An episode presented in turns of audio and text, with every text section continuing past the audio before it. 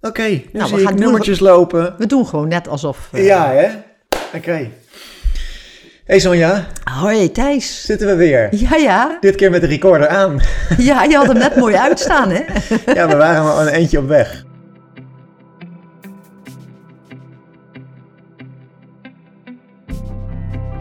Dit is waar het op neerkomt. De podcast waar wij lessen uit de therapie vertalen naar het dagelijks leven. Elk vanuit ons eigen gezichtspunt. Zo ben ik student aan, eh, aan het Kempler Instituut, een opleiding voor psychosociale therapie. En eh, Sonja, jij bent daar... eh, Daar ben ik jouw eh, docent. Ja, En zijn, zijn we in een totaal andere verhouding met elkaar. Precies, en dat is eigenlijk ook wel een mooie, want deze aflevering die gaat over leiderschap. En daar komen eigenlijk wel een aantal verschillen, machtsverschillen tussen, tussen ons, komen daar ook aan bod. En waar hebben we het verder over in deze aflevering? Nou, met name daarover. In het begin zei je nog eh, dat we misschien ook nog over het verschil tussen mannelijk en vrouwelijk leiderschap zouden hebben. Hebben we het helemaal niet over gehad. Nee, Sigrid Kaag is al keer en, dat is ook zo'n groot verschil tussen ons. Hè? Jij bent man en ik ben vrouw. Ja, Dus daar hadden we nog leuk, eh, hadden we nog even kunnen een uitwerken. leuke ja. botsing over kunnen Ja. krijgen misschien. Nou, gemiste kans, maar die komt vast nog in een toekomstige aflevering. Ja, wat is goed leiderschap? Wat is persoonlijk leiderschap? Kun je dat in elke situatie? In welke situatie is dat spannend of misschien zelfs eh, eh, niet raadzaam? Dit zijn allemaal vragen waar we mee eh, stoeien in deze aflevering. Voordat we de aflevering ingaan, wil ik nog even een paar nieuwe vrienden van de show welkom heten. Dat zijn Pien, Bram en Mira, Hilda Veen, Tineke, Mieke en John van Zijp, Thuis voor Nu, John en José de Gardijn, Helene en Leonor. Dus eh, welkom bij de Vriendenclub en dank voor jullie steun. En als je dit nu luistert en je zou ook een vriend van de show willen worden, ga dan naar waarhetopneerkomt.nu. Daar vind je alle informatie en zie je ook welke extra afleveringen er al online zijn voor vrienden van de show. Oké, en dan nu de aflevering in.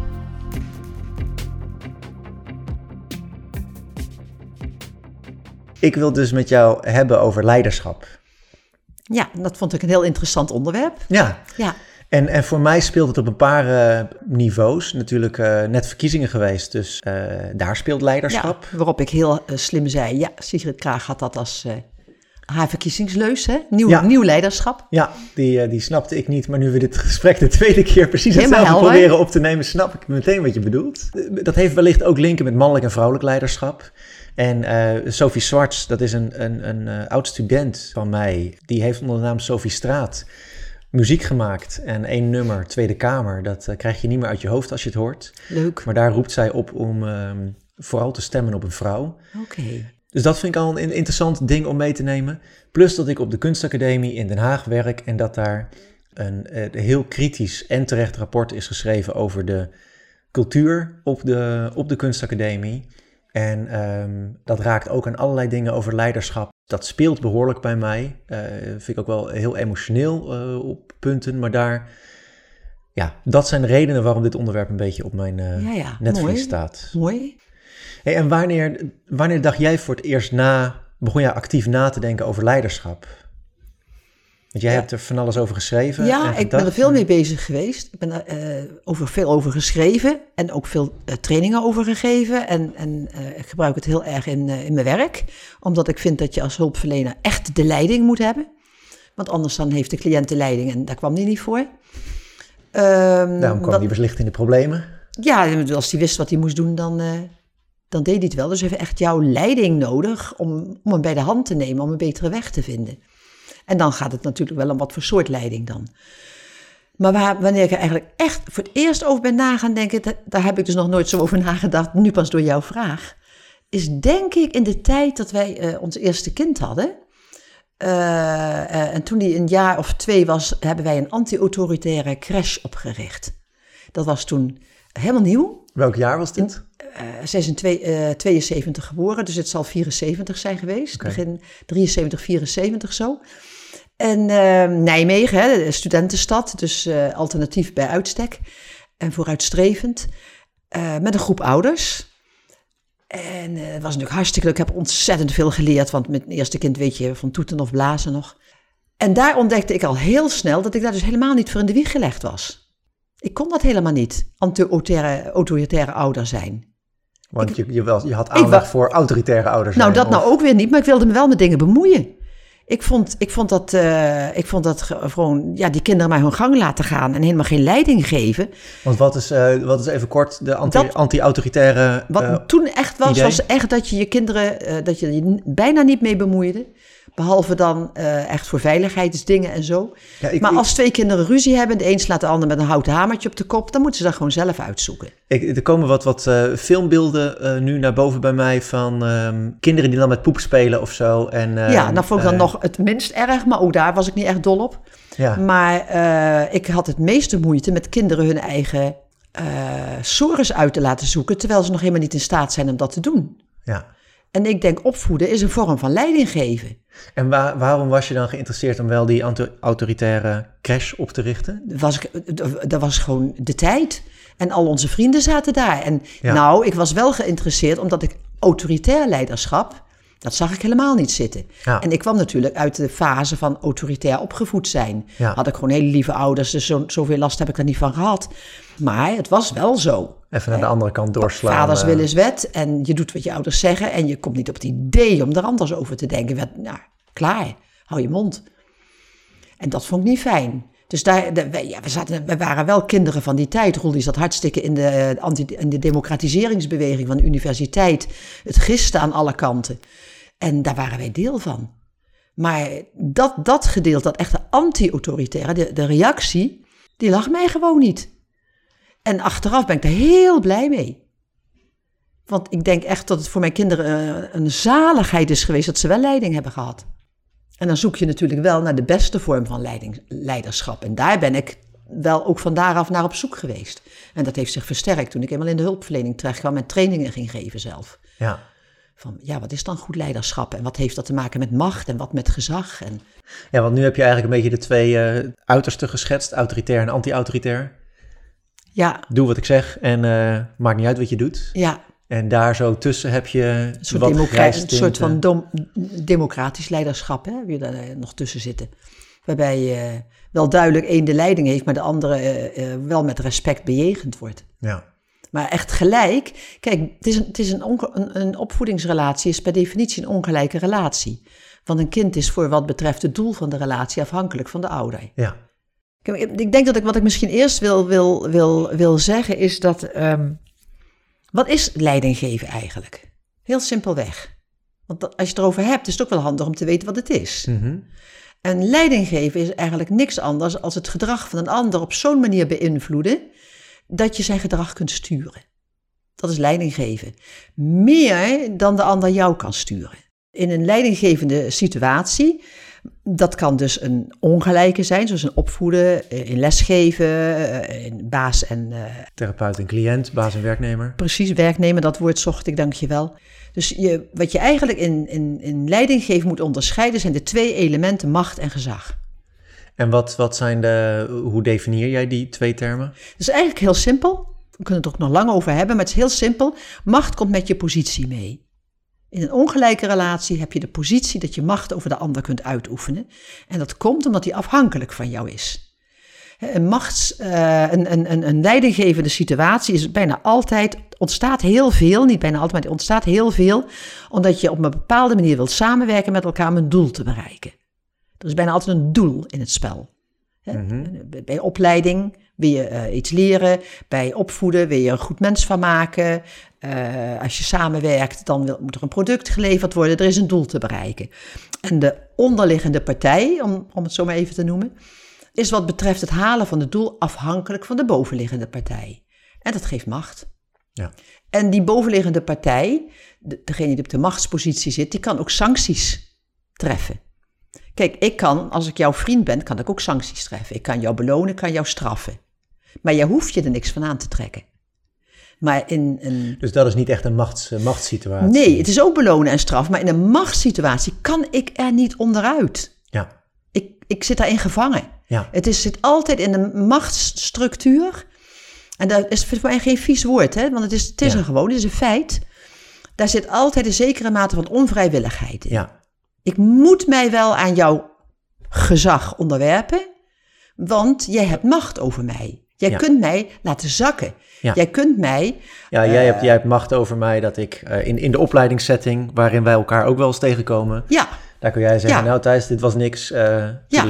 Ik kan jou naar beneden halen. Ik kan in de stafvergadering zeggen, nou die jongen die heeft het niet in zich zitten. Misschien moet die toch maar wat anders. Ik kan van alles. Ja, En dat geeft mij een zekere macht. ja, Dus macht komt van positie, gezag van persoonlijk functioneren. Je hebt wel wettelijk gezag en die twee termen worden vaak door, door elkaar gehouden. Maar wettelijk gezag is eigenlijk macht. Ja. Dus die, die laten we dan even Die buiten. laten we er even dus als we het nu over gezag hebben, hebben we eigenlijk over iemand die je Qua persoonlijkheid eh, een zekere autoriteit wordt toegekend. en- ja, Ik plaats jou hoger ja, dan ik zelf sta, omdat ik denk dat ik van jou iets kan leren.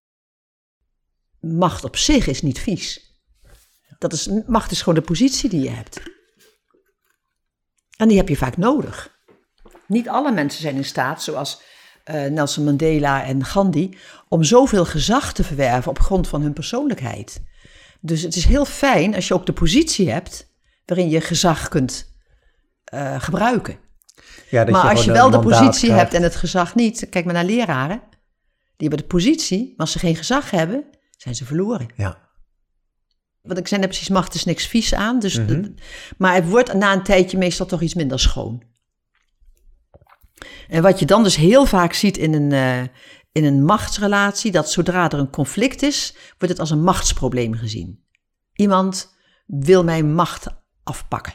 Iemand doet niet wat ik wil.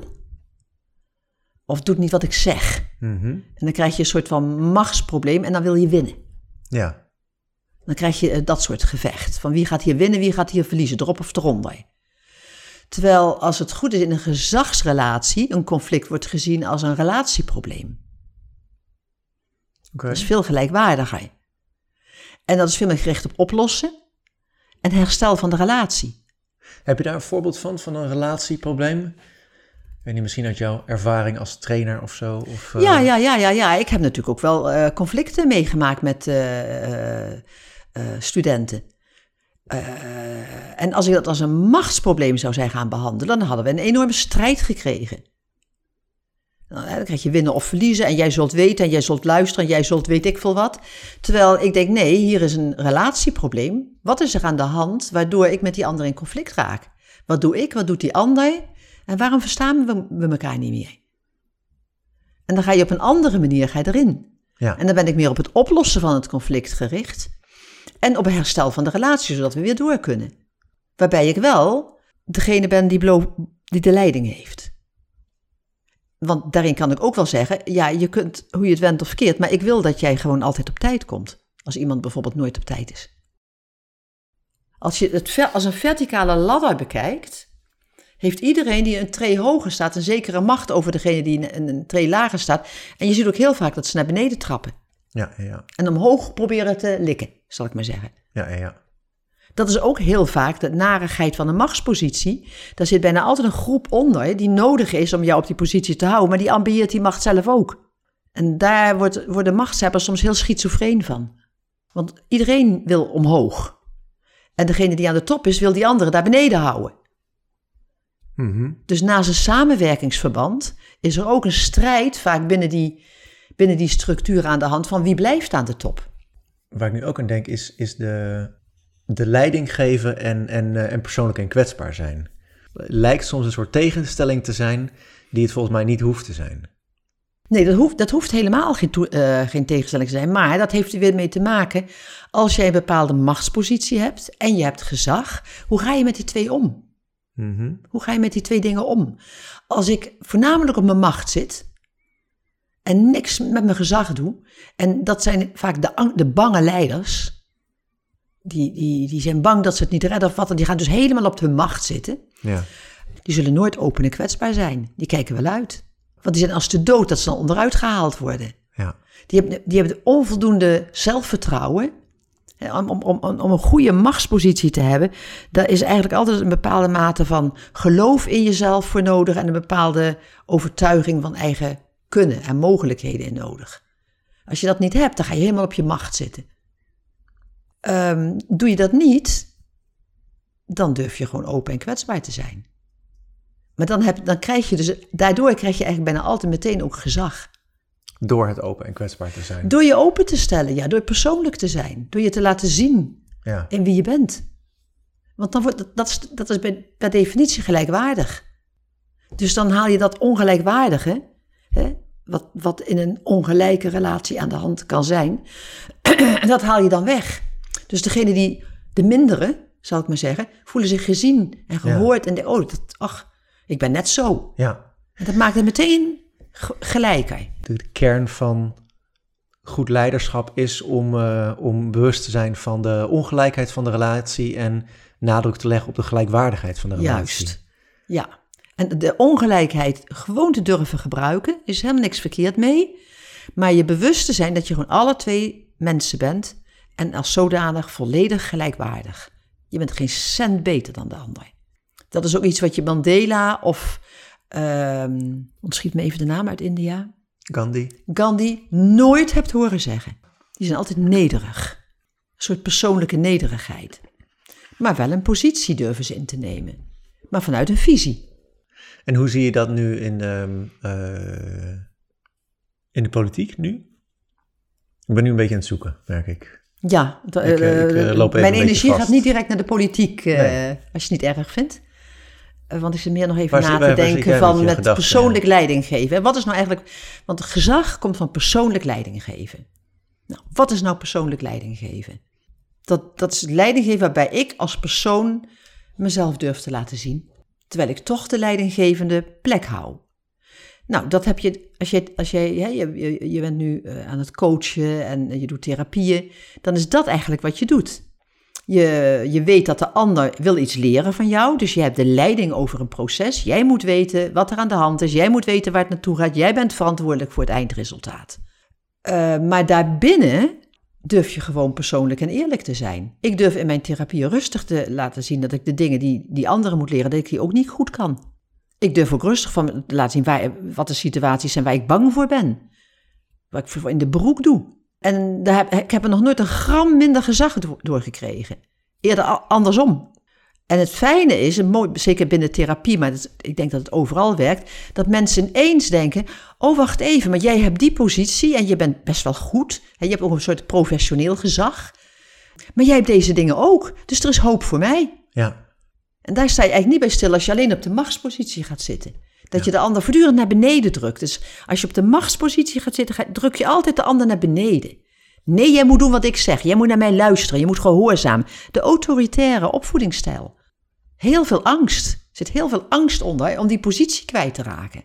Terwijl iemand die gezag heeft, die is niet bezig met zijn positie. ja daar moet je een eh, hoop, hoop vertrouwen in hebben dat, dat, eh, dat het goed komt. Eh, dat, dat is het zelfvertrouwen wat je dan benoemt. Ja, Ja. En, en dan moet je, moet, kijk, mensen die dat doen, en dan komen we al op andere dingen die we al eerder in de podcast hebben gehad. Je moet, als je, dat, eh, als je leiding wilt geven, moet je weten wat je wel wilt en wat je niet wilt. Je moet je eisen en je moet je grenzen kennen. En als je dat weet van jezelf, ja, dan sta je stevig. Ja. Het is een kwestie van stevig staan. Terwijl, ja, als je een stap hoger gaat staan, je kunt er altijd afvallen, hè? Ja. ja, dit doet me ook heel erg denken aan de... Ik geef ook trainingen aan docenten over online eh, onderwijs. Voor zo'n scherm waarbij allemaal studenten of de docenten of andere mensen je aankijken en niks zeggen, omdat ze nog op mute staan of omdat ze niet weten of iemand anders gaat spreken, is het mijn eerste neiging om meer te gaan praten, die dat gat te vullen en dus één richting op te gaan. En het, het kost echt wat, wat, eh, wat, wat lef om dan die uitnodiging te doen en het, het zeg maar gelijkwaardig te maken. En wat is Ehm, dan de lef die je daarvoor nodig hebt? Ehm, dat het ehm, geen idee waar, eh, waar, die, eh, waar, waar het heen gaat, als het ware. Geen idee wat de input van de ander is. Toen het net naar online switchte, merkte ik ook als ik dan les gaf en dan waren daar allemaal, eh, eh, allemaal mensen die dan niks zeggen. Mhm. Dan denk ik, oh, dat, dat, dat gaat niet goed of wat denken ze nou? En dan uit die onzekerheid ga ik meer zenden en dan zend ik meer en de mensen die luisteren, die worden nog stiller. En nee, ik loop een beetje vast. Nee, dus, maar je, dus nee, je loopt niet echt vast. Want de anderen uitnodigen om meer tevoorschijn te komen, is een zekere. eh, eh, eh, dan moet je over je schuchterheid heen stappen. Maar het grappige is, en daar zijn we natuurlijk bij jou wel eens eerder op terecht gekomen, dat je alsmaar met die ander bezig bent. Ja, En als je goed gezag wilt hebben en de leiding nemen, doe je dat niet. Dan vraag je je af: vind ik dit leuk? Vind ik dit fijn? ja, En ik heb wel eens een keer in de training gezegd: jongens, luister eens even. Ik, het is één grote zwijgende massa. Ik kan ook mijn mond dicht houden als ik daar zin in heb. Ja. Ik vind er zo helemaal niks aan. Ik heb echt van jullie heel iets anders nodig. Wil, dit- wil ik dit een beetje leuke dagen gaan vinden? En dit zijn wel twee dagen van mijn leven. Ik wil liever dat die leuk zijn. Nou, daar waren ze. Ja. Ja, dat is ook precies wat ik nu laatst in een, in, een, in een training had, waar ik me weer bewust was van die omslag. Dat in eerste instantie dat ik dan meer met die ander bezig ben. En, ehm, Dat je en- terug moet naar jezelf en denkt, vind ik dit leuk? Wil ik het zo? Nee, wat wil ik dan? Wat heb ik van ze nodig? Ja, Daar begin je mee. Ja, En daar zit ook de uitnodiging in. ja. En daar, daar zit, ik, ja, ik spreek voor mezelf, want ik weet dat ik dat heb. Ehm, volgens mij is dat, eh, niet om mezelf te verontschuldigen, maar volgens mij hebben heel veel docenten en, ehm, en hulpverleners dat überhaupt al door de keuze van het beroep. Ja, Dat je graag met anderen bezig bent. ja met bezig, wil werken. je, wil- je, je bent bezig anderen iets te geven of te leren en daardoor Ja. heel erg op de ander gericht. Ja, Maar het is, dat is belangrijk, het is een belangrijk element, maar het is 50% van het verhaal. ja, De andere 50% is, eh, hoe sta jij erin en wat heb jij nodig? En dat is voor goed leiderschap nodig. Maar ook als voorbeeld voor de ander. En als je over, sec over leiderschap hebt en je wilt persoonlijk leiderschap hebben, eh, en dat is toch een vorm van leiderschap die door de mensen die, zeg maar zeggen, de volgers, het meest gewaardeerd wordt, ehm, dan moet je wel je eigen persoon in durven brengen. Ja, en dan ben je, dan ben je per definitie kwetsbaar. Maar ja, wat, en we hebben ook al gehad, wat is kwetsbaar? Wat kan je gebeuren? Daar hebben we allerlei fantasieën over. Maar de realiteit is meestal, eh, zit daar niet zo dichtbij. Dus in de politiek een tikkeltje anders. Want dat is een, echt een jungle, hè? ja, daar heb je een Als je heel je daar kwetsbaar op stelt, zeker als vrouw, word je al meteen op afgerekend. Ja, daar, daar zit veel, daar zit, Daar zit echt een machtsspel in. ja, want daar gaat het veel meer om, eh, hoe zou je dat nou, gelijk krijgen in plaats van gelijk hebben, zoiets. Ja, je wilt gelijk hebben, je wilt, je wilt winnen. Ja, En aan de macht blijven vooral en je macht vergroten. Dus die ander naar beneden halen, dat is prima. Daar zit echt een, een, een beetje een, een, wat denk ik dan, een vies kantje aan. Dat hoor je bij politiek. is dat inherent aan politiek, denk je? Nou, ik denk het haast wel. Ja, je ziet het, je ziet het, je ziet het de hele tijd gebeuren. Het is, eh, een van mijn kinderen zit in de politiek, mijn oudste dochter. En die was in het begin wel daar ook door geschokt. Ze zei, mama, het gaat helemaal niet over de inhoud en, en, en de doelen die je nastreeft. Het gaat allemaal over ego's. Ja. En daar wordt behoorlijk lelijk gespeeld. Nou, dan moest zij, dat is een van de redenen waarom ik niet in de politiek zou kunnen gaan. Ik zou dat niet kunnen. ik vraag me af of er nog meer gebieden zijn waar, waar persoonlijk leiderschap dan problematisch is. Waar dat, dat niet... eh, Nou, nee, het is niet, het is niet zo dat persoonlijk leiderschap daar problematisch wordt. Maar persoonlijk zijn, daar moet je goed uitkijken. En dat is eigenlijk altijd zo, maar met name in de politiek. Wat en hoe en in welke situatie. Omdat er zitten een heleboel haaien aan de andere kant. ja, En normaal in een, kun je zeker vertrouwen hebben in de ander. Nou, in de politiek zit een heleboel haaien te wachten op je ondergang. ja. Maar dat kan ook in heel veel organisaties zitten natuurlijk. Kan dat ook zitten, moet je ook uitkijken. Maar dat wil niet zeggen dat persoonlijk zijn onmogelijk is geworden. Ja, Maar dan moet je wel uitkijken hoe dan, waar dan en hoeveel vertrouwen heb ik in mezelf hierin. Want als je onzeker wordt of zo, zo ja, dan ruiken ze bloed, hè? Ja, want ik voel ook al wel soms wat weerstand ehm, in de organisatie waar ik werk, in, in hogere sferen, om dan persoonlijk te worden. Eh, of het, of het, is, het is misschien iets wat niet zo heel gebruikelijk is binnen sommige organisaties. Binnen heel veel organisaties niet. Maar het werkt als een trein. Ja, maar je zegt ook, eh, pas Ja. op, want in sommige organisaties zitten haaien, daar kun je het beter Ja, niet doen. Of, nou nee, eh, niet, ja. niet doen, weten wat en hoe. Je hoeft het niet op te geven, maar je moet wel nadenken. En, en, en, eh, en, en wat zijn de wat en hoe dan? Kijk, kwetsbaar opstellen is iets anders als je gewoon maar zo blootgeven. Kwetsbaar opstellen is duidelijk en persoonlijk zijn. En als jij denkt, als jij weet hebt van het feit dat er een aantal haaien daar zitten, zou je dat bijvoorbeeld meteen bespreekbaar kunnen maken. Je zou kunnen zeggen, nou, ik zou nou wel iets persoonlijks willen zeggen, maar ik weet niet of ik dat ga doen, want ik weet dat hier een aantal mensen zitten die haken me zo pootje. Ja, heb je het punt al neergelegd? En dan daar Terwijl jij- persoonlijk zijn wat dat, wat dat met je doet. Of ja, dan, dan zeg je van, Ja. ja. dit maakt dat ik dat niet wil doen. En iets anders dat je zegt van in deze vergadering, eh, ja, niemand is persoonlijk. Ik ga het zelf ook niet doen. Want iedereen zit hier te, te, kijken wanneer die, de ander, wanneer die de ander pootje kan haken. Vind ik heel onprettig. Heb je het aangesproken? Ja, Dan ben je persoonlijk Maar niet kwetsbaar op de manier dat ze je pootje kunnen haken. Ja. Snap je? dat- ja, ik snap hem. En dat is zo'n soort langzame, eh, een so- soort er naartoe warmen of zo. Een soort... Ja, kwetsbaar betekent niet altijd dat je aan het huilen bent voor de camera's. Heel veel mensen hebben die Ja. associatie daarmee. Maar dat, dat is niet waar. Ja, En in feite is het zo dat kwet- kwetsbaar durven zijn is de meest stevige positie die je hebben kunt. Want je staat op je eigen grond. Brene Brown heeft dat een keer Ja. omschreven als ehm, dat kwetsbaar zijn is ehm, telkens één lichtje laten zien en, als, en dan ehm, een soort string van lichtjes. Dus telkens laat je iets meer zien, maar niet in één keer alles laten zien, want dan wordt die al het ander verblind. Ja, en die wordt ver- ver- verblind. verblind Ja, en, klopt. eh, ja, dat, Dat, bedoel ik. Je moet weten ja. wat, wie, waar. Je moet het kunnen doseren. Ja. Je moet wel de leiding over jezelf houden ook. Ja, dat is eigenlijk wel mooi. Dat je die leiding over jezelf houdt. Ook dat je zorgt dat je zelf eh, stabiel blijft staan. Ja, je moet op je eigen grond staan. Dan kun je dat doen. Ja, Terwijl als je aan het zweven bent, dan, ja, dan kunnen ze je pakken. ja. En dat doen mensen ook meestal.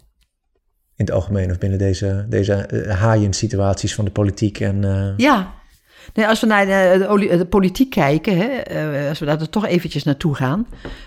Dan, ja, je, nou, je hebt sowieso, de, kern waar we, waar we het nu over hebben, is de kern van goed leiderschap. Dat is wat ik zei tegen jou, dat is zeker geloof in en vertrouwen op jezelf. En dat zijn, zijn wel een paar dingen die daarbij horen. Dat is altijd, dat is transparantie. Hè? Open, open zijn, dat je transparant bent.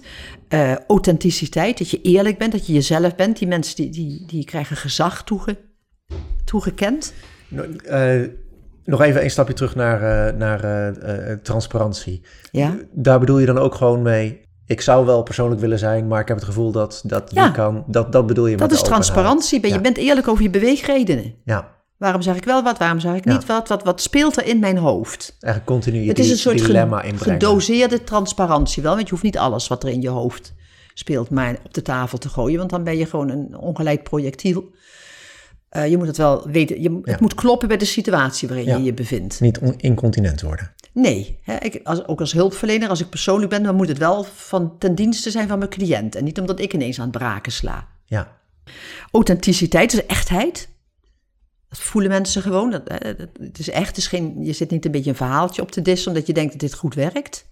Zelfreflectie. Dat je bereid bent over je eigen handelen na te denken. En niet de schuld alleen maar bij de ander legt en steeds weer alles terugwerpt op het bordje van de ander. Eh, een soort consequente vastberadenheid. En dat is denk ik waar Kaag ook op, op doelt. Een consequente vastberadenheid. kun je daar iets meer eh, over zeggen? Hoe bedoel je dat? Hoe nou, dat je, dat? ehm, dat je niet meteen van, van, eh, van slag laat maken. Dat mensen dit wel kunnen doen en dat wel kunnen zeggen en zus wel kunnen zeggen. Maar dat jij jouw doel vasthoudt. Ja, dat je bij je punt blijft. En, Je ehm, blijft bij je punt, maar je bent wel flexibel. Ja, Er zit Ja. een soort consequente vastberadenheid in jou. Van daar wil ik naartoe, dat is voor mij belangrijk. ja, Ja, ik neem rustig, ik, ik draai wel wat mee. Want als je alleen maar zo recht Ja. moet lopen, dan, dan heb je oogkleppen op. ja. Eh, maar ik ben wel ik ben stevig in mijn overtuiging. Ik merk dat de laatste tijd vaak in gesprekken die ik met mensen heb, dat ik eh, soms iets zeg en dat die persoon het dan nog niet helemaal hoort.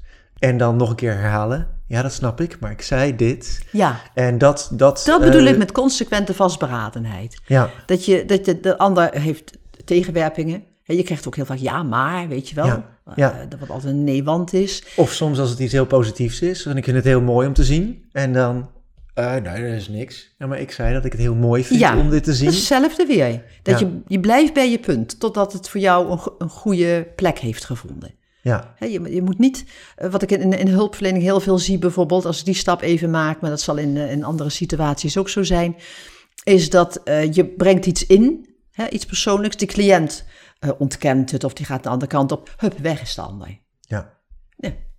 Hoezo? De- je moet dan misschien een andere route nemen, maar je vindt, nog, je vindt toch nog steeds hetzelfde. Dus durf daar gewoon mee voorwaarts te komen en, en wees jezelf trouw. Dat hoort ook bij goed leiderschap, jezelf altijd trouw zijn. Ja. En een soort waakzame zorg. Je moet ook zorg voor de ander hebben. En waakzame zorg, eh, eh, eh, voorbeeld? Nou, bijvoorbeeld in hulpverlening is dat ik ook altijd goed oplet. Gaat het wel, hoe komt het binnen bij de ander? Wat Ja. doet hij daarmee? Ja, Ik had laatst een gesprek met mensen. eh, die man die deed ontzettend zijn best. En eh, een heel verhaal. hield hij over eh, hoe hij vond dat het moest gaan en zo. En zij zei ja, ja, ja, ja, ja, maar ik zag dat ze helemaal afhaakte. Nou, dan is mijn waakzame zorg dat ik dat in de gaten hou. Ik hou in de gaten hoe de boodschap daar aankomt. En dan zeg ik dat ik zeg, volgens mij ben je weg. Dan heb ik zorg voor haar, maar ook zorg voor hem. Ja. Want al zijn best doen en zijn woorden gaan nergens meer naartoe. Ja. Nou, is dat duidelijk? ja, dat is duidelijk. En ik probeer hem nu nog te vertalen naar die eh, vergaderzaal die ik even voor Ja? me zie. Waarbij, eh, waarbij iemand zegt, ik, ehm, ik zou wel... Niemand is persoonlijk, ik wil het ook niet doen, want Mhm. ik voel haaien. Wat, eh, wat, wat, wat voor een persoonlijke, of wat voor een zorg... Hoe, hoe zou je dat voorbeeld daar kunnen plaatsen? Of ruk ik hem nu helemaal uit de context? Ja, ja dat, dat vind ik moeilijk. Dat vind ik moeilijk om daar eh, direct iets helders over te zeggen. Maar die, de waakzame zorg die je dan nog moet hebben, wel, eh, is dat jij wilt iets bereiken. Maar dat je ook open blijft van, wil de ander dat ook? Of doet hij het alleen maar omdat hij bang is voor mij? Of eh, waar staat die eigenlijk? Ja, Dat je ook oog voor die ander blijft houden. ja. Misschien een soort gelijkwaardigheid, eh, Ja, dat je niet over die ander heen gaat eh ja en, walsen. en de waakzame zorg is ook voor jezelf. Hè, dat Ja. je, eh, is dit nog oké voor mij? Voelt dit nog goed? Kan ik dit aan? Ja. Dus dat waren vijf punten, toch? Geen idee. 1, 2, 3. Ja, vijf Wil, wil, punten. je Goed nog, zo. wil je ze nog eens noemen? Eh, transparantie, authenticiteit, zelfreflectie. hè, Dat je na wil denken over je eigen handelen. Een consequente vastberadenheid, dus doorzetten. En ook waakzame zorg, open voor de ander. Mooi. En dan onderscheiden we eigenlijk, dan ga je naar de politiek. En dat is wel iets wat me heel erg bezighoudt. Eh in ons boek hebben wij twee soorten leiderschap onderscheiden. Eh, je hebt een humaan leiderschap en een inhumaan leiderschap. En eh, toen ik dat las en las van wat zijn nou eigenlijk de kenmerken daarvan, schrok ik daar heel erg van. Omdat ik dacht, dit is heel erg aan de hand in de, in de wereld om ons heen op dit moment. En waar ik van schrok is dat het inhumane leiderschap zo ongelooflijk aan invloed en aan populariteit wint. Terwijl ik denk, als ik dat lees, dat wil toch niemand? Kun je eens de samenvatting geven van inhumaan leiderschap en waar zie je dat dan? Ja, nou, ehm inhumaan leiderschap, dat zie je aan discriminatie. En discriminatie betekent uitsluiting. Ja, dat is, een, dat is een gebrek aan medemenselijkheid. Je hebt ontmenselijking. Dus bij, onhum, bij inhumaan leider- leiderschap ehm, tref je een hele grote onverschilligheid aan voor het wel en wee van de ander, van bepaalde groepen. Er is een heel, ze zijn heel, heel bezig met het wel en wee van hun eigen groepje, maar een grote onverschilligheid naar het wel en wee van de groepen die zij discrimineren. En om dat eh, te kunnen legi- legitimeren, ontmenselijken ze die groep gewoon. Ja, En, en hebben ook heel veel eh, toegestane agressie daarna. Je kunt natuurlijk je eigen handelen heel goed legitimeren door te zeggen: ja, maar die anderen zijn eigenlijk geen echte mensen. ja, Of, of zo minder, van zo'n laag allooi. Eigenlijk wat Baudet ook een beetje doet, als hij zegt dat de blanke intelligentie is zoveel. Dan is, dan, dan is hij dat aan het doen. ja. Is de ander aan het minder maken. Dit doet, doet me ook denken aan hoe eh, in protestbewegingen er altijd werd gezegd... als je in conflict bent met de politie, kijk, kijk ze in de ogen... Ja. om die menselijkheid Hou weer menselijk terug te contact, vinden. want als je alleen nog maar een uniform ziet Ja, en de ander ziet alleen nog maar langharig tuig, mag je slaan. ja, En mag je, spe- mag je schelden, mag je, want je ziet de ander niet meer als, als mens. En je ziet het ook heel veel bij discriminatie. Eh, mensen die moeite hebben met buitenlanders bijvoorbeeld, die hebben dat niet met hun buurman. Die kennen ze. ja, ja. Ja, ja, nee, die, ja, Ja, die is roep anders. maar wat, die Turken Ja. die deugen niet, want dat kan iedere bevolkingsgroep zijn. Maar jij, jij niet, jij Ja. bent anders. ja, Nee, die ken je. ja. En dat heeft met diezelfde ontmenselijking te maken en met demonisering. Dat is ook een kenmerk van inhumaan leiderschap. En demonisering, dat, is, dat wordt heel veel gebruikt tegenwoordig, maar dat betekent eigenlijk niets minder of anders dan eh, de ander kwade bedoelingen toedichten. ja. Gewoon geen vertrouwen hebben in, eh, in, de, in de ander. Nou, nog meer. Echt kwade bedoelingen toedichten. Ouders doen het ook. Dan noemen we het geen demonisering. Maar als ze een lastig kind hebben, dan zeggen ze dat deed hij expres. Dan heb je dus het kind een kwade bedoeling toegedicht. En dat is voor kinderen heel moeilijk om te horen. Dan Ja. roep ik altijd, ik deed niet expres. Ja, dat gebeurt overal, ook in het onderwijs. En, eh, Overal. het is gewoon, dat is weer een Ja. lekkere vorm van externaliseren, om het niet bij jezelf te zoeken. Nou, en, het is, en, en wat bijvoorbeeld eh, complotdenkers bij uitstek doen, is dat. Dus eh, die, die, die gaan andere mensen kwade bedoelingen toeschrijven. En dan legitimeren ze eigenlijk hun eigen handelen. Want je krijgt heel erg wij tegen zij. Wij, de goede en, en, en de wakkere. En zij, de slechte en de gemene en met de verschrikkelijke dingen. Ja, En die strijd tussen wij de goede en zij de slechte, die, dat heeft een heroïsch aspect. Eh, Je ziet het met eh, is. En je, de go- godsdienststrijden is altijd, wij hebben God aan onze kant. Dus wij tegen de ongelovigen, die mag je doodmaken. We hebben het zelf ook gedaan, wij christenen. Hè? We hebben ze op de brandstapel gegooid bij het leven. Ja. En dat is, dat is demonisering en ontmenselijking. En dat hoort bij inhumaan leiderschap. En ik vind dat heel erg aan de hand op het ogenblik. Al die behoorlijk opkomende rechtse stromingen, maar ook in sommige landen, hè, Hongarije, Rusland, eh, eh, onder Trump, je, je, Ja. zag het, je ziet het overal gebeuren. En omdat machtshebbers zichzelf heel graag neerzetten als weldoeners, als de redders, zij zijn de meerdere en ze zijn de redders van de mindere. En als je in een onmachtige positie verkeert, geloof je dat eigenlijk maar al te graag. Iemand komt jou redden. En dat maakt dat je, dat je, dat je, dat je geloof gaat hechten aan die verhalen. 1 en 1 is 2. Dus dat zijn de dingen van inhumaan leiderschap. En wat er tegenover staat is humaan leiderschap. Nou ja, humaan le- leiderschap zijn natuurlijk alle tegenovergestelde dingen die daar spelen. Dat is gebaseerd op gelijkwaardigheid, op insluiten van, andere, van zoveel mogelijk alle bevolkingsgroepen. Eh, het is op respect, eh, het is eh, medemenselijkheid, mededogen. En wat ik een heel belangrijk aspect vind, is op een soort positieve openheid. En dat staat precies tegenover demonisering. Dat is dat je in principe bereid bent het goede in anderen te zien. Dus dat is wat we ook op andere manieren wel eens hebben gezegd. Altijd op zoek naar het goede, de goede reden achter slecht gedrag. Achter in jouw ogen slecht gedrag ook nog.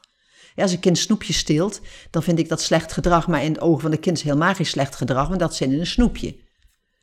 Weet je, nou, dat is een heel simpel voorbeeld, maar ehm, dat is wel wat humaan leiderschap inhoudt. Dat ik in principe bereid ben om te geloven dat jij geen slechte bedoeling had, dat je het niet expres deed. en eigenlijk komt het ook al met eh, het lef hebben om een vraag te stellen. Eh, door als er zoiets gebeurt, dat je dan vraagt, hé, wat, wat, je- wat, wat, Niet alleen zijn lef, maar gewoon dat je gaat doorvragen. ja, wat, omdat gebeurde ge- daar? Ja. En, ehm, en, ehm, Omdat je eh, geïnteresseerd bent. ja, in plaats van dat je wilt afrekenen. Dus dat is ja, humaan leiderschap is, is, is wat dat betreft ja, respect, mededogen, het goede zien, medemenselijkheid, mildheid. Dat zijn eh, de dingen van humaan leiderschap. En dat staat in, ja, voor mij heel hoog in het vaandel allemaal. Dus ik vind dat ander ook heel zorgelijk. Ja. En ik begrijp ook helemaal niet, ja, ik begrijp het weer wel, maar een deel in mij wil het ook niet begrijpen, eh, hoe mensen daar niet doorheen kunnen kijken. ja. Maar dat, dat doe ik vanuit mijn positie natuurlijk. Want ik ben niet zo een van die hele onmachtigen. Maar ik snap wel, en daarom kan ik het ook weer wel begrijpen, als je in zo'n situatie zit, waarin alles uitzichtsloos lijkt, dat je al dat soort die mooie woorden gelooft. Dan wil je het maar al te graag waar hebben.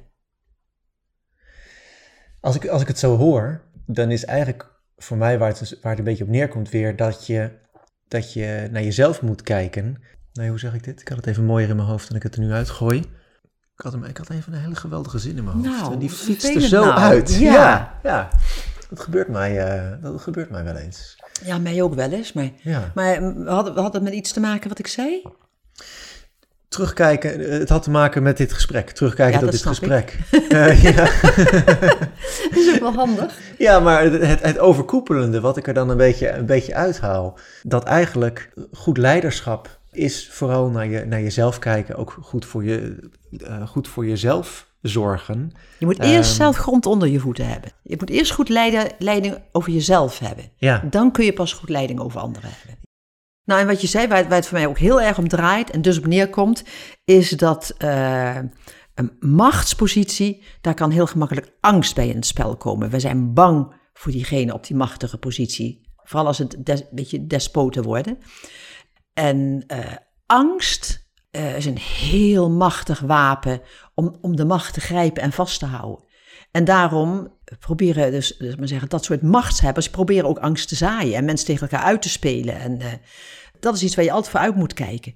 En een goede leider, die leidt nooit bij angst, met angst. Als iemand bang is, dan is het altijd iets wat, daar moet naar gekeken worden. Dat moet weg. Terwijl een machthebber, die gedijt daarbij. Hoe banger de anderen zijn, hoe meer macht hij heeft.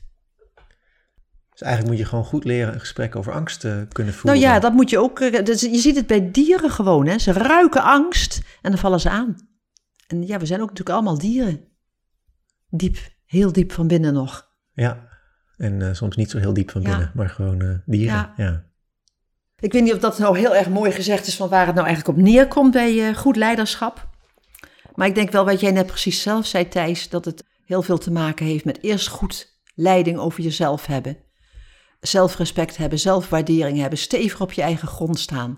En van daaruit het gedrag van anderen ten goede willen keren niet zo willen sturen dat jij lekker de baas bent, maar je wilt het gedrag van. Je wilt, je wilt toch wel iets bereiken met iemand. Want waarom zou je anders leiding aan iets geven? Mooi. Ja, mooi of niet. ja. Het moet toch wel zo'n beetje het einde zijn, lijkt ja. me. Tenzij je nog, het, uh, nog een uh, los vloddertje hebt. Um, ja, ik heb nog één, uh, één, één los vloddertje die ik misschien eraf hak, maar zullen we zien. Um, ik heb het idee dat ik op de, in de positie waar ik zit, eh, op de kunstacademie als studiecoach, dat ik daar niet per se macht heb, maar wel gezag. Dat ik daar niet in een rol zit waarin ik allerlei dingen kan beslissen, maar dat daar wel naar me geluisterd wordt. Dat is gezag. En dat dat een soort, um, dat is soms ook lastig, want dan kan ik ook bepaalde dingen niet uh, bepalen. Klopt. Maar dan, dan, dan zit je eigenlijk een soort in een, uh, ja, een soort adviseursrol of zo. Uh, of, je, zit een, je, zit, je zit beter dan wanneer je de positie hebt en je hebt geen gezag. Dit, dit, is, dit is een heel groot compliment. Het is natuurlijk nog fijner als je die twee dingen samen hebt. Want dan kun je ook echt beslissen. Maar als je gewoon niet in die positie bent, en dat zijn we gewoon lang niet allemaal, ja, dan is het fantastisch als je gezag hebt. Ja. Want dan mensen gaan naar je opkijken, die gaan denken, nou, als, als je ergens mee zit, moet je met die Thijs praten.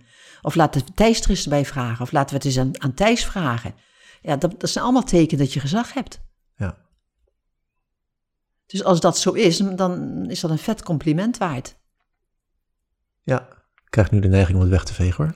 Ja, nou dat is, maar het is, weet je, het is ook iets wat je gewoon, je, hebt het, je verdient het. Gezag krijg je nooit onverdiend. Nooit. Daar heb ik nog helemaal niks over gezegd. Je krijgt gezag nooit onverdiend. Macht wel. Ja, Gezag moet je echt verdienen. Ja, en macht kan makkelijk bij de vriendjespolitiek. Uh, die kun je, zit in de positie meer niet. Ja. Oké. Amen. Amen. Juist. Ik vond het losse vlot je wel heel leuk toe, uh, staartje krijgen nog. Ja, ik werd even ongemakkelijk Je moet het echt verdienen. Ja, nou ja. Ja. Kom. Ja, dat, uh, dan, dan, dan, dan, dan, dan zie Want je beschrijft dus een heel mooi voorbeeld van gezag. Ja, ja, en dan, dan zie ik mezelf eventjes door de ogen van, van wellicht iemand die dat niet heeft. En die dan zegt, ja, ik uh, zie Thijs helemaal niet hoog zitten. Daar moet je die, dus geen flikker van aantrekken. Ja, precies. Hè? Ja, ja. Daar heb ik nog wel dingen te leren, ja. Leuk. Is het nou een beetje aan de orde gekomen over leiding geven waar je, wat je zocht? Um, het was wel zoeken. Uh, in het begin... Want ik zag je zoeken soms, ja. Ja, en uh, ik wist ook niet precies waar ik naar, waar ik naar zocht. Op een gegeven moment kwamen we er lekker in, voelde ik. En dan begonnen er interessantere dingen. En eigenlijk zijn de dingen die het, die het mooist worden, waar jij of ik heel persoonlijk worden. Waar, uh, waar, we, ja, waar ik geraakt word of zo. En, en hier vond ik dat ook een klein beetje lastig, omdat ik bij sommige dingen denk op de kunstacademie, die zijn zeg maar uh, die luisteren mee straks. Ja, die luisteren mee. En dat is zeg maar zo heet, daar zo zo'n gevoel. Daar kan ik... Uh, ja. Uh, misschien moet ik daar niet te veel... ik wil ja. niet dat dit munitie op het vuur is van wat daar aan het spelen ja. is of zo. Ja, nou ja, dat, dat, is gewoon... Maar dat is dus ook die waakzame zorg hè, voor jezelf. Mm, ja. Ja. Van wanneer ben ik wel open en wanneer ben ik niet open? Wanneer wil ik wel kwetsbaar zijn en wanneer niet? Ja heel, heel, heel oké. Ja. Nou, daar was ik dus een beetje naar aan het zoeken. Dus ik was eh, daarmee bezig. Ja. Dit was hem weer. Dankjewel voor het luisteren. Over drie weken zijn we er weer met een nieuwe aflevering. Wil je nog iets zeggen? Een uh, eh, nou, ja, nou, ik ja, vind het heel erg fijn dat mensen weer ernaar luisteren. En jij zegt, over drie weken zijn we er weer met een nieuwe aflevering. Ik ga nog vreselijk nadenken waarover we het gaan hebben, Thijs. Ja. Ik heb nog steeds in mijn gedachten misschien iets van opvoeden. Ja, dat lijkt me ook leuk. Omdat het heel veel mensen natuurlijk uh, interesseert. En het is een heel mooi vervolg op leiding geven, want opvoeden is voor een groot gedeelte. Nou, volgens mij hebben we de volgende aflevering. Uh... zou zomaar kunnen. Mochten mensen een heel leuk. Misschien is dat wel leuk. Mochten mensen een heel leuk idee hebben. Van jongens, kunnen jullie daar eens over hebben of daar eens over hebben? Stuur het, zeg het, zend het. Ja. Op de uh, website hebben we een aantal, uh, aantal mensen suggesties gedaan. Dus daar, uh, daar kunnen wij ook mee aan de slag. Leuk. Ja. Dus voorlopig uh, kunnen we nog door. Voorlopig hebben we nog wel, uh, hebben we nog wel uh, genoeg stof Helemaal te gek, helemaal te gek. Oké. Okay. Tot ziens. Tot ziens.